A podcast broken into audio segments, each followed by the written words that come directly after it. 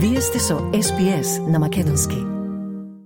СПС им одава признание на традиционалните собственици на земјата од која денеска ја емитуваме програмата на македонски јазик. Со ова изразуваме почит кон народот Варанджери Woi Wurrung, припадниците на нацијата Кулин и нивните минати и сегашни старешини.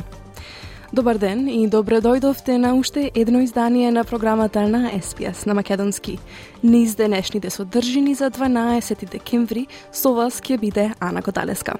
Во програмата денеска, поредовните вести следува извештајот од Македонија, во кој меѓу другото ќе слушнеме дека на Љупчо Палевски осомничен за двојно убиство, кој беше уапсен во Турција, му е одреден екстрадиционен притвор од 40 дена од домашните теми, пообширно за низа промени на визите за меѓународни студенти, кои како дел од голем ремонт на миграцијата беа објавени вчера. А потоа ќе пренесеме прилог за свечената матурска вечер во организација на Учителското друштво на Викторија, која се одржа во петокот во Мелбурн. Затоа останете со нас, сега следуваат треновите вести и колешката Радица Бојковска Димитровска. Радица повели. Благодарам, Ана. Добар ден и од мене.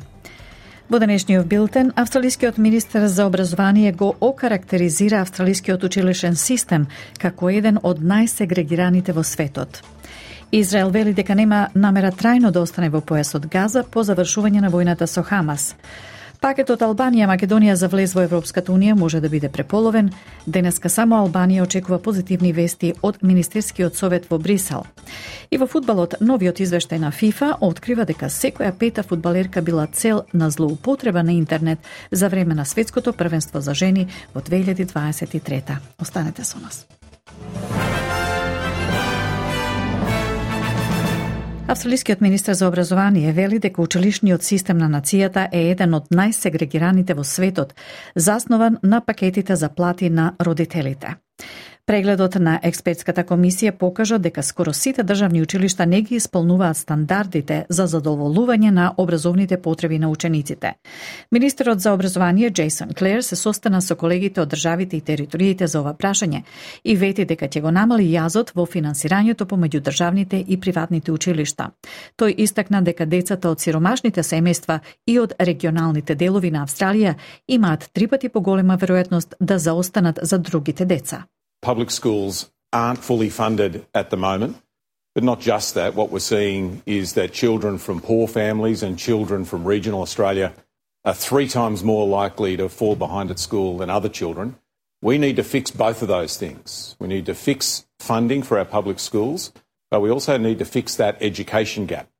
Националната партија ги критикуваше плановите на владата за намалување на миграцијата во следните две години, велејќи дека намалувањата ќе создадат недостиг на основните трговски работници и ќе ја влошат стамбената криза. Тоа доаѓа од како владата ги објави плановите да го преполови вкупниот број на мигранти во следните две години како дел од нејзината ревизија на имиграцијскиот систем. Министерката за внатрешни работи Клеро Нил вели дека нивото на миграција треба да се врати на одржливи бројки, откако во периодот по пандемијата во последната финансиска година во Австралија пристигнале 500 илјади мигранти. Владата ги бранеше предложените измени, велејќи дека тие ќе обезбедат приоритет во можностите за работа да имаат австралиските работници. Сенаторката од Националната партија Бриджит Мекензи изјави за Каналот 9 дека ремонтот ќе предизвика недостиг на многу потребни градежни работници и ќе ја влоши стамбената криза. Во моментов сме сред стамбена криза, а не можете да најдете мајстор, посочи сенаторката Мекензи и додаде дека во градежната индустрија сега има недостиг од 230.000 мајстори и занаечии. We're in the middle of a housing crisis right now. You can't find a tradie for love nor money. Uh, we've seen the blowout in costs as a result of that in our infrastructure build, in our congested suburbs and cities. Uh, you can't rents going through the roof. You can't afford a house, and the building industry has said there's a shortage of 230 thousand tradies um, by making it harder for them to come in from overseas. We're not going to have everyone jumping on an apprenticeship and completing in the next year. So you're just exacerbating the housing crisis, and Labor could have done something to fix it. И зелените упатија критики за новата миграцијска стратегија на владата, велејќи дека лабористите неправедно ги обвинуваат мигрантите за стамбената криза. Лидерот на зелените Адам Бент вели дека плановите на владата за намалување на миграцијата се фокусирани на смирување на опозицијата, наместо на справување со притисоците за трошоците за живот. Тој рече дека миграцијата не довела до стамбената криза во земјава, туку лабористичката влада која што подржала неограничено зголемување на кириите, неограничено зголемување на каматните стапки и која што не изградила доволно јавни и достапни станови. Migration hasn't caused Labor's housing crisis. It's Labor backing unlimited rent rises, unlimited interest rate rises, and not building enough public and affordable housing. That's what's got us into the housing crisis that we're in. But now, Labor has joined the Liberals in blaming migration for the housing crisis. Stop trying to out tough Peter Dutton because there's nothing he won't do. Министерката за здравство Шенон Фентиман ја провлече својата кандидатура за следен премиер на Квинсленд, а функцијата ќе ја преземе заменик премиерот Стивен Майлс. Тоа доаѓа од како беше постигнат договор помеѓу господин Майлс и благаникот од Квинсленд Камерон Дик, кој се очекува да стапи на функцијата заменик премиер. Актуелната премиерка Анастасија Палашај официјално ќе му ја достави својата оставка на гувернерот во петок, а пратеничката група на лабористите во Квинсленд треба да се состане и да одобри нов лидер истиот ден. Австралија се приклучи на групата земји, вклучувајќи ги Соединетите држави, Обединетото кралство, Канада и Јапонија, во повикот за посилна акција за фосилните горива на климатскиот самит КОП-28. Групата рече дека сегашните предлози не одат доволно далеку откако постепеното исфрлање на фосилните горива, што го бара многу земји, беше изоставено од последниот нацрт договор за климата. Министрот за климатски промени Крис Боуен во изјава рече дека има елементи во нацртот што Австралија ги поддржува, но дека се потребни многу појасни пораки за еднината на фосилните горива. Државниот министер за клима на Обединетото кралство Греем Стюарт рече дека е потребна порешителна акција. We didn't come here for two weeks in order to say that people might be able to do something. We need to do something. The whole point of the global stocktake was to look in the mirror. Well, the mirror tells us we need to act, and that's what we're here collectively to do. And if we don't, uh, we have our political arguments and emphases, but the science is unpitying, and we need to act. Белата куќа изрази загриженост поради извештаите дека Израел користел бел, бел фосфор за време на воената операција во Јужен Либан во октомври. Во извештаите што првпат беа објавени во Вашингтон Пост вчера, 11 декември, се тврди дека муниција со бел фосфор и била испорачена на Израел од страна на САД. Портпаролот на Советот за национална безбедност Џон Керби вели дека употребата на белиот фосфор што го обезбедуваат Соединетите држави треба да биде за легитимни цели, како што се производство на чад за да се прикрие движењето на војниците и според неговите зборови, цитат, во согласност со законот за вооружени конфликти. Хемикалијата може да предизвика и фатални изгореници и сериозни респираторни проблеми, а организациите за човекови права ја осудуваат неговата употреба во близина на цивилни области. Господин Кирби вели дека Соединетите држави сериозно ги сфатиле обвинувањата и дека дополнително ќе го истражат ова прашање. We've seen the reports, uh, certainly uh, concerned about that. Um, we'll be asking uh, questions to try to learn a little bit more. I do think it's important to remind that white phosphorus does have a legitimate military uh, utility in terms of illumination and pr producing smoke to conceal movements. Um, and obviously, anytime that we provide items like white phosphorus to another military, it is with the full expectation that it'll be used uh, in keeping with those legitimate purposes and uh, uh, and in keeping with the law of armed conflict. But Израелскиот министер за одбрана изјави дека Израел нема намера да остане трајно во појасот Газа по завршувањето на војната со Хамас. Тоа доаѓа додека израелската копнена офанзива продолжува со тенковите што напредуваат подлабоко во градот Кан Юнис. Израел им нареди на цивилите да го напуштат центарот на градот. Израелскиот министер за одбрана Јоав Галан вели дека Израел ќе преземе се што е потребно да го уништи Хамас, но дека нема планови трајно да остане во Газа по војната. Израел will take any measures in order to destroy Hamas.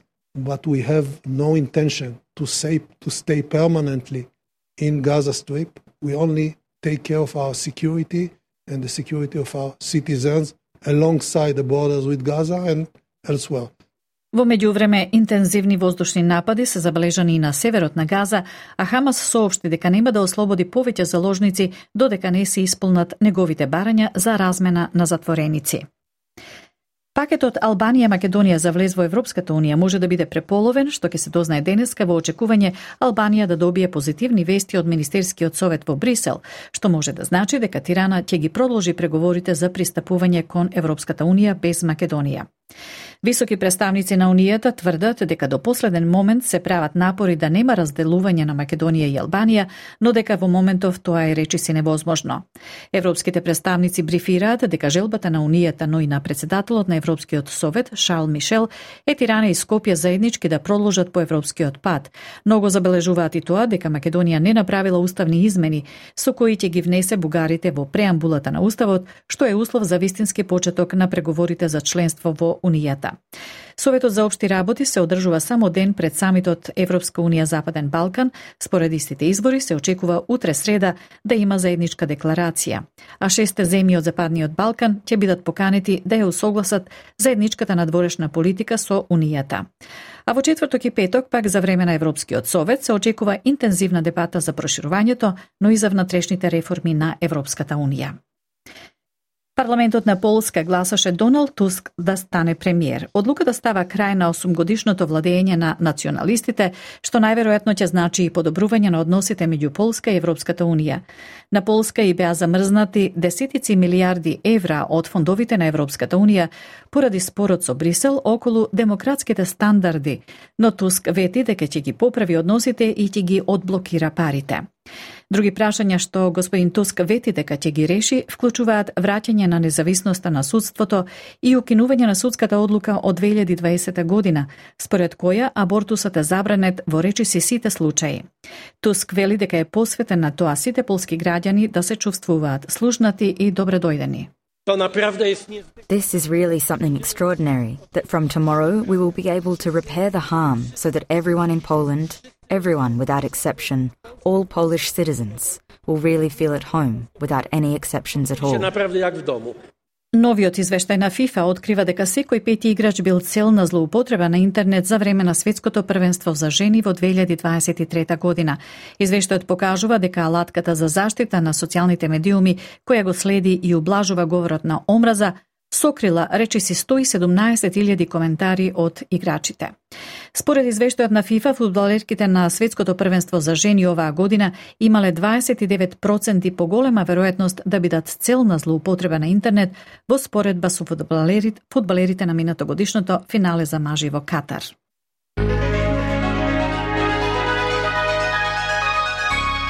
Од најновата курсна листа, денеска еден австралиски долар се менува за 0,61 евро, 0,65 американски долари и 37,28 македонски денари, додека еден американски долар се менува за 56,73 македонски денари, а едно евро за 61,02 македонски денари.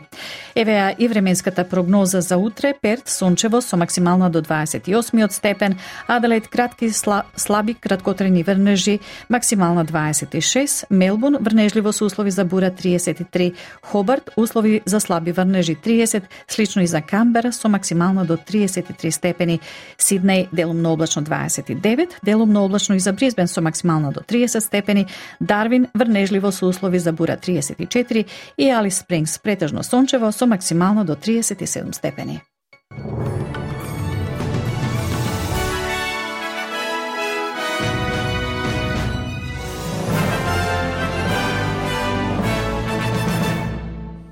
Благодарам Радица. Тоа беа вестите на СПС на Македонски за 12 декември 2023 година. Сега следуваат куси промотивни пораки, а потоа најновото од Македонија. Слушајте не.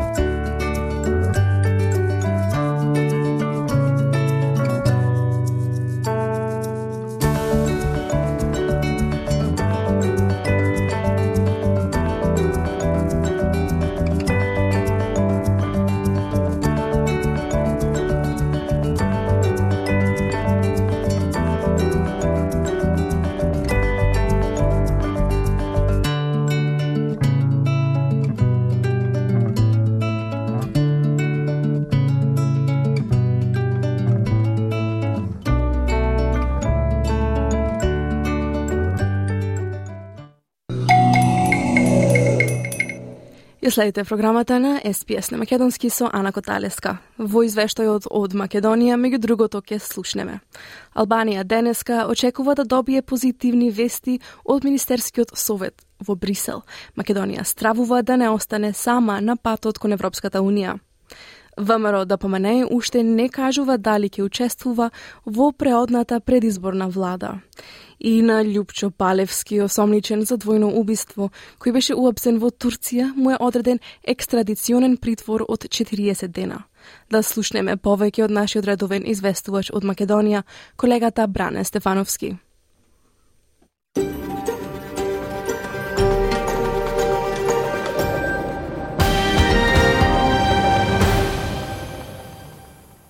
Албанија денеска очекува да добие позитивни вести од Министерскиот совет во Брисел, што може да значи дека Тирана ќе ги продолжи преговорите за пристапување кон ЕУ без Македонија и така пакетот Албанија-Македонија за влез во ЕУ може да биде преполовен. Високи представници на Унијата тврдат дека до последен момент се прават напори да нема разделување на Македонија и Албанија, но дека во моментот тоа е многу тешко, речиси невозможно. Европските представници брифираат дека Желбата на Унијата, но и на председателот на Европскиот совет Шарл Мишел е Тирана и Скопје заеднички да продолжат по европскиот пат, но го забележуваат и тоа дека Македонија не направила уставни измени со кои ќе ги внесе бугарите во преамбулата на уставот, што е услов за вистински почеток на преговорите за членство во Унијата. Советот за обшти работи се одржува само ден пред самитот ЕУ Западен Балкан. Според истите извори се очекува утре среда да има заедничка декларација, а шесте земји од Западниот Балкан ќе бидат поканети да ја усогласат заедничката надворешна политика со Унијата. Во четврток и петок пак, за време на Европскиот совет, се очекува интензивна дебата за проширувањето, но и за внатрешните реформи на Унијата. Додека се чека одлуката на европските министри за надворешни работи, на домашен терен нема расправа ниту за патоказите за владење на правото, ниту за реформите во јавната администрација, што треба да бидат испратени во Брисел до крајот на месецов. Пратениците ниту вчера не ја почнаа расправата по овие прашања, бидејќи документацијата содржела класифицирани податоци. Александар Николовски од ВМРО ДПМН е член на Националниот совет за евроинтеграции на седницата на Советот рече. Имајќи предвид дека се работи за ваков сензитивен материјал, согласно законските одредби, седницата на Националниот совет и на Комисијата за европски прашања треба да е од затворен карактер би замолил за разбирање, а тоа е да дадеме можност на службите и во Собранието и во Секретаријатот за европски прашања да можат согласно закон да постапат и затоа би ве замолил да ја одложиме оваа седница. Следен термин би бил 20 декември среда. До петок ќе биде јасно дали ќе биде донесена формална одлука за предпристапни преговори за Украина и Молдавија, како што препорача Европската комисија. Додека се чека најголемата опозициона партија ВМРО ДПМН е да се изјасни дали ќе учествува во преодната техничка влада која треба да биде формирана 100 дена пред изборите, аналитичарите нагаѓаат кои ќе бидат можните рокади на функциите на коалиционите партнери во власта. Но премиерот Димитар Ковачевски вчера подсети дека со техничката влада нема импровизации, туку дека тоа е законска обврска. Техничката влада е дефинирана согласно закон и точно се знае кој предлага министри во таа техничка влада. Што значи дека се знае од парламентарното мнозинство кои се министрите и од најголемата опозицијска партија кои министерства се предлагаат да бидат предводени од нивни предлози. Законот за владата предвидува 100 дена пред избори најголемата опозициона партија да ги добие министерските места во МВР и во Министерството за труд и социјална политика. Тие ќе имаат дополнителни заменици министри од најголемата партија на власт.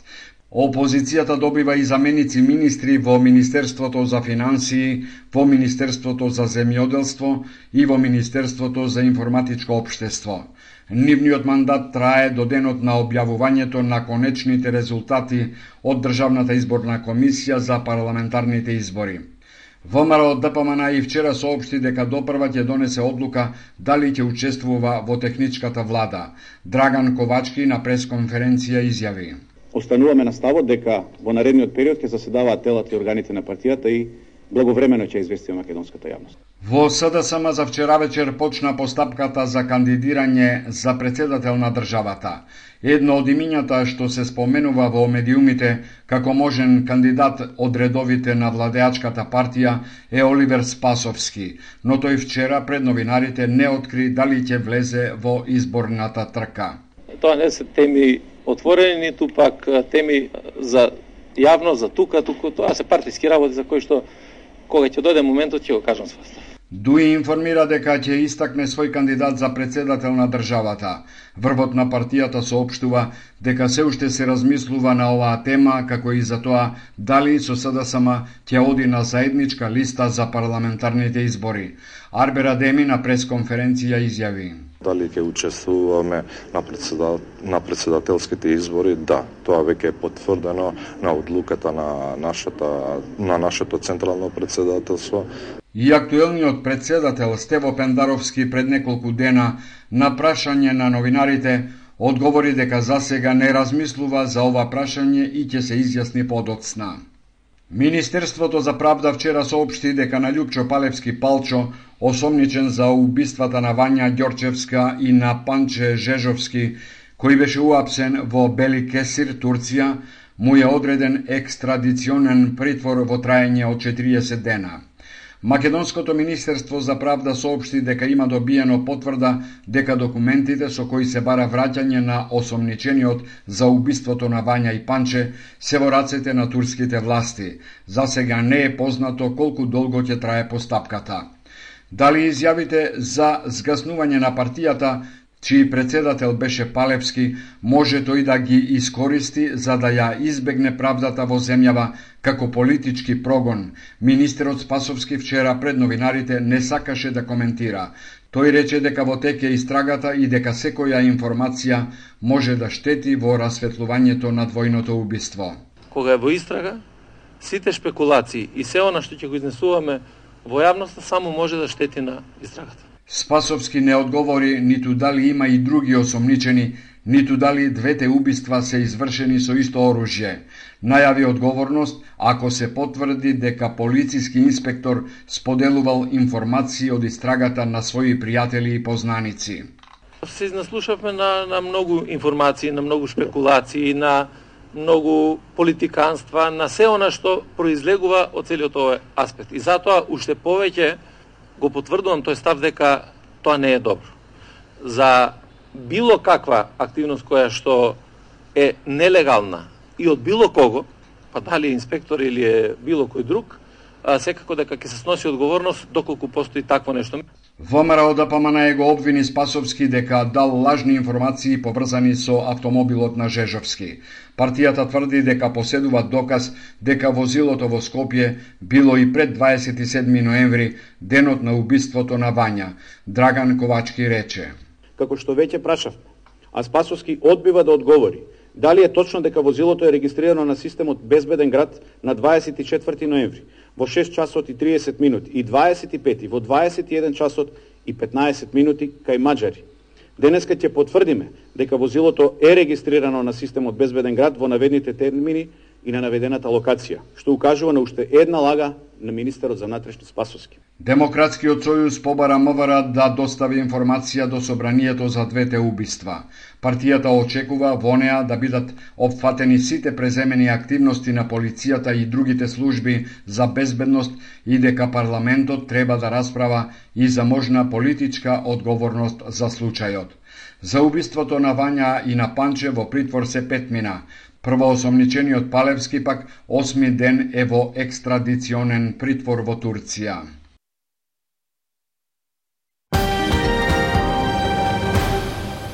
од Македонија извести Бране Стефановски. Почитувани, ве поканувам да ја посетите нашата Facebook страница SPS Macedonian или нашата веб страница sps.com.au косоцртичка Macedonian.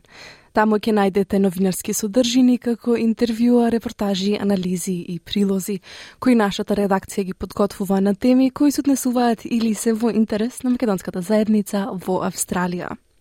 Сега следува една музичка нумера километри во изведба на Каролина и Лозано и потоа куси промотивни пораки пред да се осврнеме на домашни теми. На СПС на македонски јас сум Ана Коталеска. Продолжуваме со актуелности од Австралија. Владата воведе низа промени во визите за меѓународни студенти, како дел од голем ремонт на миграцијата објавен вчера, 11 декември. Десетгодишната стратегија има за цел да ја преплови нето миграцијата во Австралија во следните две години, при тоа привлекувајќи повеќе високо квалификувани и необходни работници. Подетално во следниот прилог на SPS News од Едуина Кинан, што на македонски го подготви колешката Радица Бојковска-Димитровска.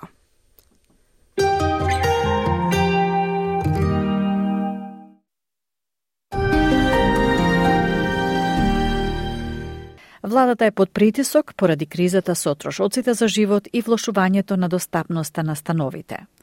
Среде тие загрижености го откри својот план за нова стратегија за миграцијата. Министерката за внатрешни работи Клеро Нил вели дека бројот на мигрантите треба да се врати под контрола да се изгради подобро испланиран систем за суштинските работи, како што е домувањето и, како што посочи, најважно од се да се направи програма што дава резултати за националниот интерес. We are going to make sure that we bring numbers back under control, that we build a better planned system around essential things like housing, and perhaps most importantly of all, that we build a program that delivers for the national interest. По повторното отворење на границите на Австралија по пандемијата, бројот на нови пристигнувања, наспроти бројот на заминувања, достигна врв со 500.000 минатата финансиска година. Владата се надева дека ќе ја намали нето миграцијата на 250.000 до 2025 година, што во голема мера ќе го постигне со воведување построги правила за меѓународните студентски визи. Тие ќе вклучуваат тест за да се открие дали лицето е вистински студент, односно Genuine Student Test, за сите поднесени молби за виза и зголемување на барањето за познавање на англискиот јазик за студентски и превремени визи за дипломирање. Министерката Клеро Нил вели дека промената ќе го подобри квалитетот на образовното искуство на учениците во Австралија и ќе го намали потенцијалот за експлоатација на работното место – со што особено се соочуваат студентите кои недоволно го познаваат англискиот јазик. Now, what we have seen with students who are struggling with their English is that they are at much higher risk of exploitation and that they are likely to gather in really low paid work and uh, not be able to move out of that over their time in our country. Now, we want to run a good integrity filled migra- uh, education system here, but we also want to set our students up for success. And if we allow them to come here without functional English that will allow them to work, we're not doing that. Промената предизвика различни реакции кај странските студенти. Хари Дукрал, кој завршува магистратура по маркетинг менеджмент на Австралискиот национален универзитет, го подржува овој потек. I literally think that it's quite necessary to be very honest when you you know come to a foreign country where, you know, English is their first language, I think you have to be very proficient about it. Но кинеската студентка по хемија, Каили, вели дека одличното познавање на говорниот англиски не е клучно за незиното истражување, бидејќи поголемиот дел од времето е посветен на читање и правење експерименти – а не на вербална комуникација. Most time we just uh, need to uh, read to do experiments and uh, we seldom to spend uh, so much time to uh, communicate uh, with others. Новиот миграцијски план исто така има за цел да го намали бројот на луѓе со привремена работна виза со нова виза за вештини, која што ќе замени неколку други актуелни визи. Тоа ќе вклучува пад за привлекување високо платени и високо квалификувани работници преку намалување на бирократијата и времето за обработка на визите. Потек што го поздрави извршната директорка на Техничкиот совет на Австралија, Кейт Паундер. There are some very deep skill shortages in our economy, which, when we don't get them right, can make it harder to grow our economy, make it hard to create innovative businesses that want to export to the world, and, and in some cases can jeopardize our national security if we're finding it hard, for example, to fill roles like cybersecurity specialists. So we just think that this change is going to be really vital to put us on a better footing economically as well as a more secure footing uh, when it comes to areas like cybersecurity. Но синдикатот на Нов Јужен Велс вели дека мерките не се доволни за да се спречи експлоатацијата на странските студенти. Секретарот Марк Мори ја повикува владата да го ограничи тековното работно време за странските студенти, велејќи дека оние кои ги прекашуваат правилата се уште се на милост и немилост на нивните работодавци. Тој додава дека некој кој студира и се обидува да работи во Сиднеј или Мелбурн не може да живее со 20 работни часови неделно. Quite frankly, if you're a student living in Sydney and studying, trying to get a degree and you're doing some work, uh, you can't live in Sydney or Melbourne uh, on 20 odd hours a week. Uh, it's just unreasonable, unfair, and we don't believe students are coming here simply to try and leave their student visa to work and become permanent residents. Некои вината за повисоките цени на становите и понискиот квалитет на живот во урбаните центри ја ставаат врз големиот внес на миграција. Портпарлот на опозицијата за имиграција, Ден Тиен, се чини дека е еден од нив. Тој вели, цитат, Она што тие го предвидоа во нивниот мајски буџет беше дека 1,5 милион луѓе ќе дојдат овде во текот на 5 години. Сега она што го дознаваме е дека таа бројка ќе биде 1,6 милиони луѓе во текот на 5 години, што ќе ги зголеми цените на становите, ќе ги зголеми кириите, ќе ја зголеми вашата неможност да посетите општ лекар, ќе го зголеми метежот во вашите поголеми главни градови. What they forecast in May in their May budget was that 1.5 million people were going to come here over five years. Now, what we've found out today, that that number will now be 1.6 million people over five years, driving up housing prices, driving up rents, driving up your inability to be able to see a GP, driving up congestion in our major capital cities. Но Трент Уилшир, заменик директор за миграција и пазари на труд при Институтот Гратан, вели дека тоа не е точно. И појаснува дека економското моделирање покажува дека намалениот внес на имиграција ќе ги намали кириите за само 1% во текот на следните 18 месеци. So I think overall there will be a, a marginal impact on rent. So we estimate around 1% over the next 18 months. So it will help a little bit. Um, but you know, the main game for for reducing rents in the long term is building more housing. Uh, but more can be done in the short term as well. So things like boosting Commonwealth rent assistance further will help the most vulnerable renters. Тоа беше Трент Волшаја, заменик директор на Migration and Labour Markets при Институтот Гратан. А сега на уште една многу актуелна тема Екстремни и непревидливи временски услови се очекуваат во сите делови на земјава. Властите издадоа предупредување за тропски циклон во северниот дел на Квинсленд, додека Јужна Австралија продолжува да се бори со бури, а поплави и шумски пожари ја погодија Западна Австралија.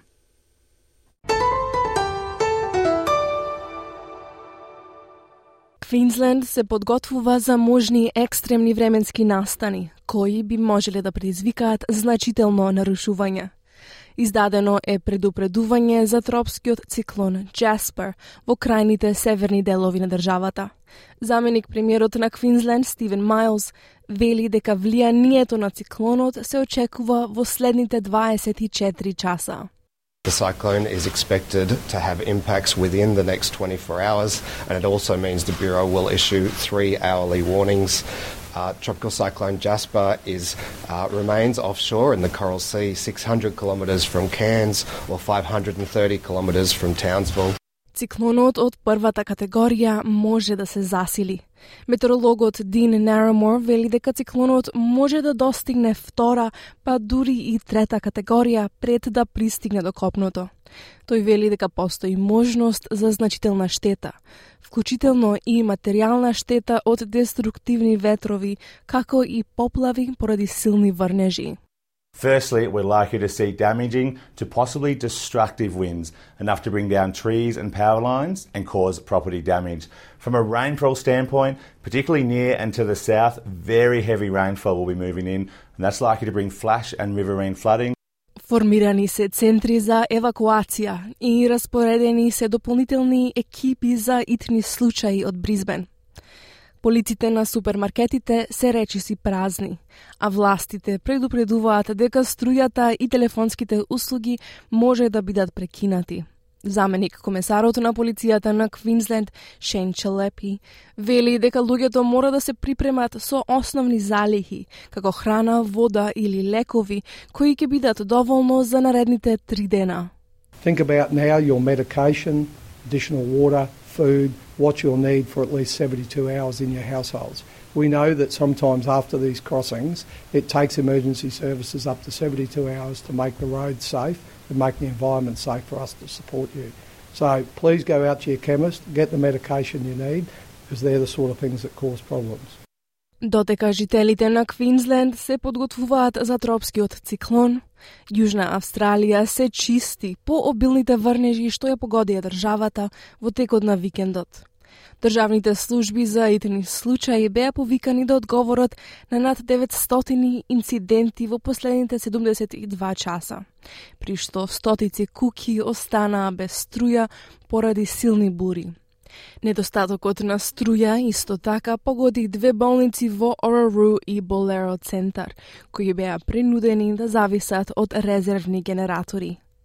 Хана Марш од Бюрото за метеорологија вели дека наврнале меѓу 30 до 80 милиметри дошт, што е повеќе од очекуваното во текот на цел месец во период од 3 дена. In the 72 hours to 9 a.m., we've had widespread rainfall totals of 30 to 80 millimetres across western and central parts of the state, with in excess of 100 millimetres over eastern Air Peninsula.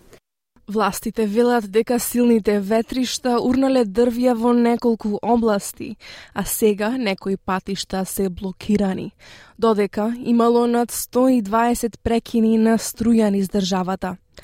Заменик главната директорка на Државната служба за итни случаи Лиз Канел вели дека властите може би нема да можат да им помогнат на сите истовремено. Approximately 50% of the outback roads are currently closed. Um, and we encourage people to uh, remain proactive and undertake preventative actions to help mitigate and reduce those impacts to their properties and to themselves. Тоа беше заменик главната директорка на Државната служба за итни случаи на Јужна Австралија во прилогот на Клорија Фархарт и Алекс Анифантис за SPS News. Во меѓувреме во Западна Австралија, пожарникарите се уште се, оби, се обидуваат да згаснат пожари на житни полиња во северниот дел на државата. Од неделата пожарите опфаќаат над 2500 хектари земја. Одделот за противпожарна и вонредна служба издаде итно предупредување, во кое се вели дека на жителите им е предоцна да заминат и тие мора да се засолнат пред пожарот да пристигне до нив. Почитувани, останете со СПС на македонски покус и промотивни пораки. Следува прилогот за матурската вечер во организација на Учителското друштво од Викторија. Уште една генерација матуранти во Викторија доби признание за своите напори во изучувањето на македонскиот јазик на свечен настан во Мелбурн во организација на Учителското друштво од Викторија. Да слушнеме повеќе во следниот прилог на SPS на Македонски. Јас сум Ана Коталеска.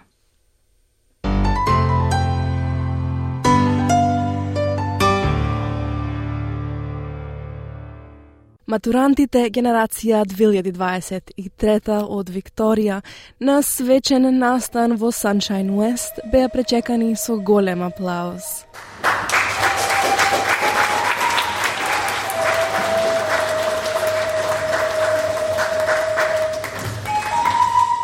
По интонирањето на државните химни на родителите, наставниците и на матурантите им се обрати Јованка Смилевска, председателката на Македонското учителско друштво на Викторија.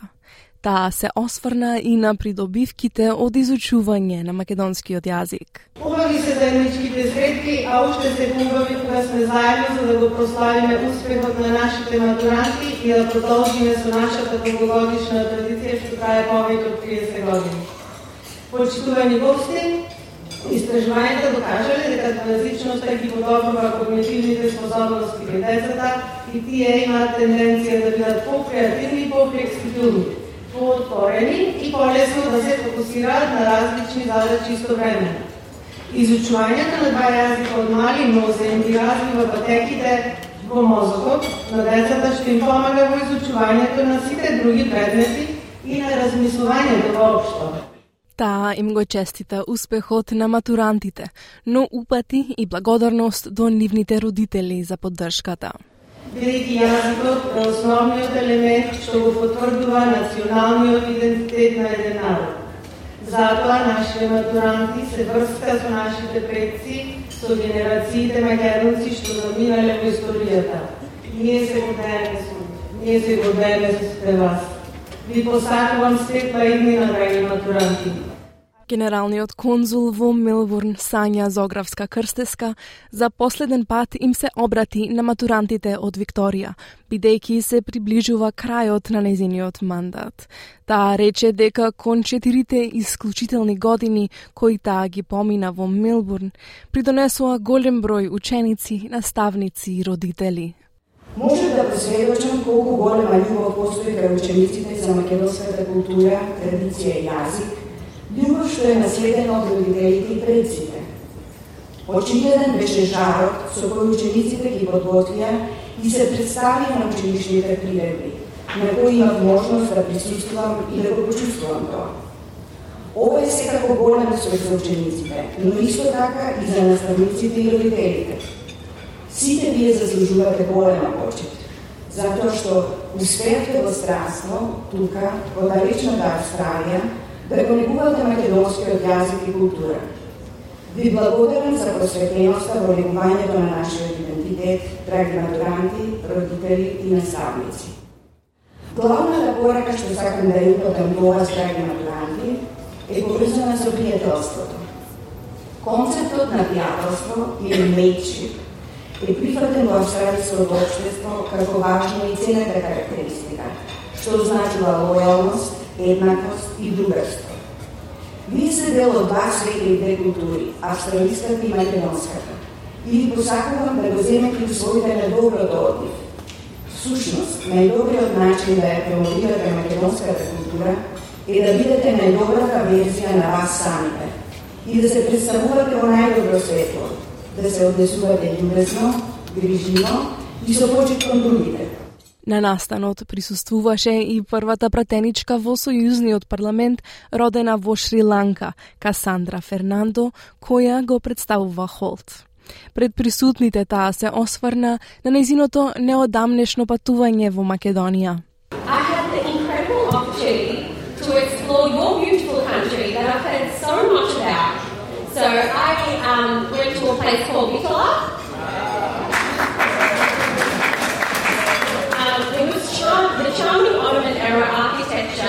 Architecture and bazaars, which I went completely crazy for when I went shopping. And I got these pair of shoes from your country. um, offered a glimpse into your country's history. The tranquility of Matka Canyon, surrounded by the towering cliffs and the pristine waters of the Taraska River, was one of the most beautiful things I have ever seen.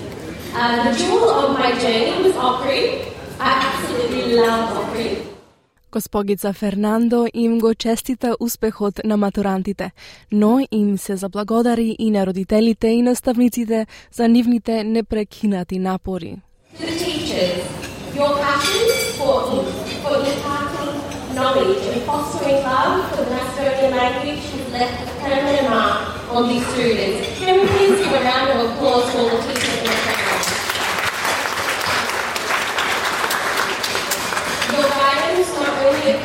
with them with language skills, but also instilled in them a deep appreciation for your culture. Сојузниот пратеник за Фрейзер Даниел Мулино рече дека изучувањето на втор или трет јазик е особено значајно во толерантно и мултикултурно општество како австралиското. And finally, I, I, want to take it to the next higher level and talk about the importance of learning languages for our broader community. Because I am representing uh, this area. This is an area with a significant uh, Macedonian speaking presence, uh, which has been in this area for many, many decades. But of course, this is a part of Melbourne, uh, the west of Melbourne, and, and this electorate in particular, where there are people speaking languages coming from cultures all around the world. And I think what makes multiculturalism so special in Australia is that we share certain things. We share a belief in democracy, in rule of law, in tolerance. Регионалниот менаџер за Killer Downs и северозападен Мелбурн на Викториското училиште за јазици, Савек Чардаш, на матурантите им посака радост и успех. Each one of you has the power to make a difference in this world. Your actions, your kindness, and your compassion can create a ripple effect. The knowledge, skills, and values you have gained throughout your education and the foundation upon which you will build your future, I have full confidence that each one of you will go on to achieve remarkable things. Congratulations on your graduation and may your journey be filled with joy, purpose and success. Наставничката Весна Дамчевска на матурантите им посака понатамошен успех во нивните лични и професионални животи пред да ги додели првите дипломи. Вие во моите очи сте сите победници, сите стигнавте до крајната цел, која не, не секој стигнува до неа. Ви посакувам многу голем успех во вашите одбрани кариери во иднина, на ваше лично поле и на професионално поле. Вие честитам матурата. А сега ќе ве повикам еден по еден да ви доделам вашите сертификати. Најпрво Томас Митровски. Ангелина Костовска. Габриела Ристевски. Емба Клепачевски. Кристијан Апостоловски. Jordan Kochankovsky. And my last student is Christopher Yoshevsky. He's a graduate from last year who didn't have a chance to get his certificate. Наставничката Аница Савеска им ги додели дипломите на останатите матуранти за 2023 година. Ќе почнеме со дипломите. Хитан Здравецки,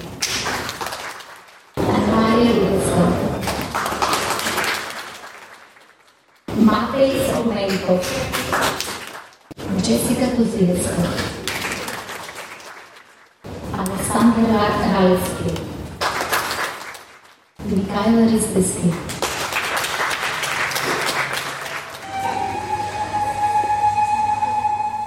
На тој начин, до доцните часови се прославија успесите на уште една група матуранти, генерација 2023 од Викторија.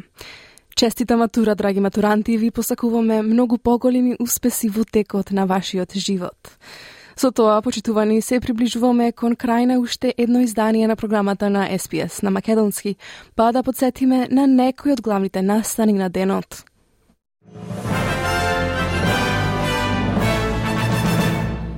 Австралискиот министер за образование вели дека австралискиот училишен систем е еден од најсегрегираните во светот. Израел вели дека нема намера трајно да остане во појасот Газа по завршувањето на војната со Хамас. Пакетот Албанија Македонија за влез во ЕУ може да биде преполовен. Денеска само Албанија очекува позитивни вести од Министерскиот совет во Брисел. И во фудбалот, новиот извештај на ФИФА открива дека секоја петта фудбалерка била цел на злоупотреба на интернет за време на светското првенство за жени во 2023 година.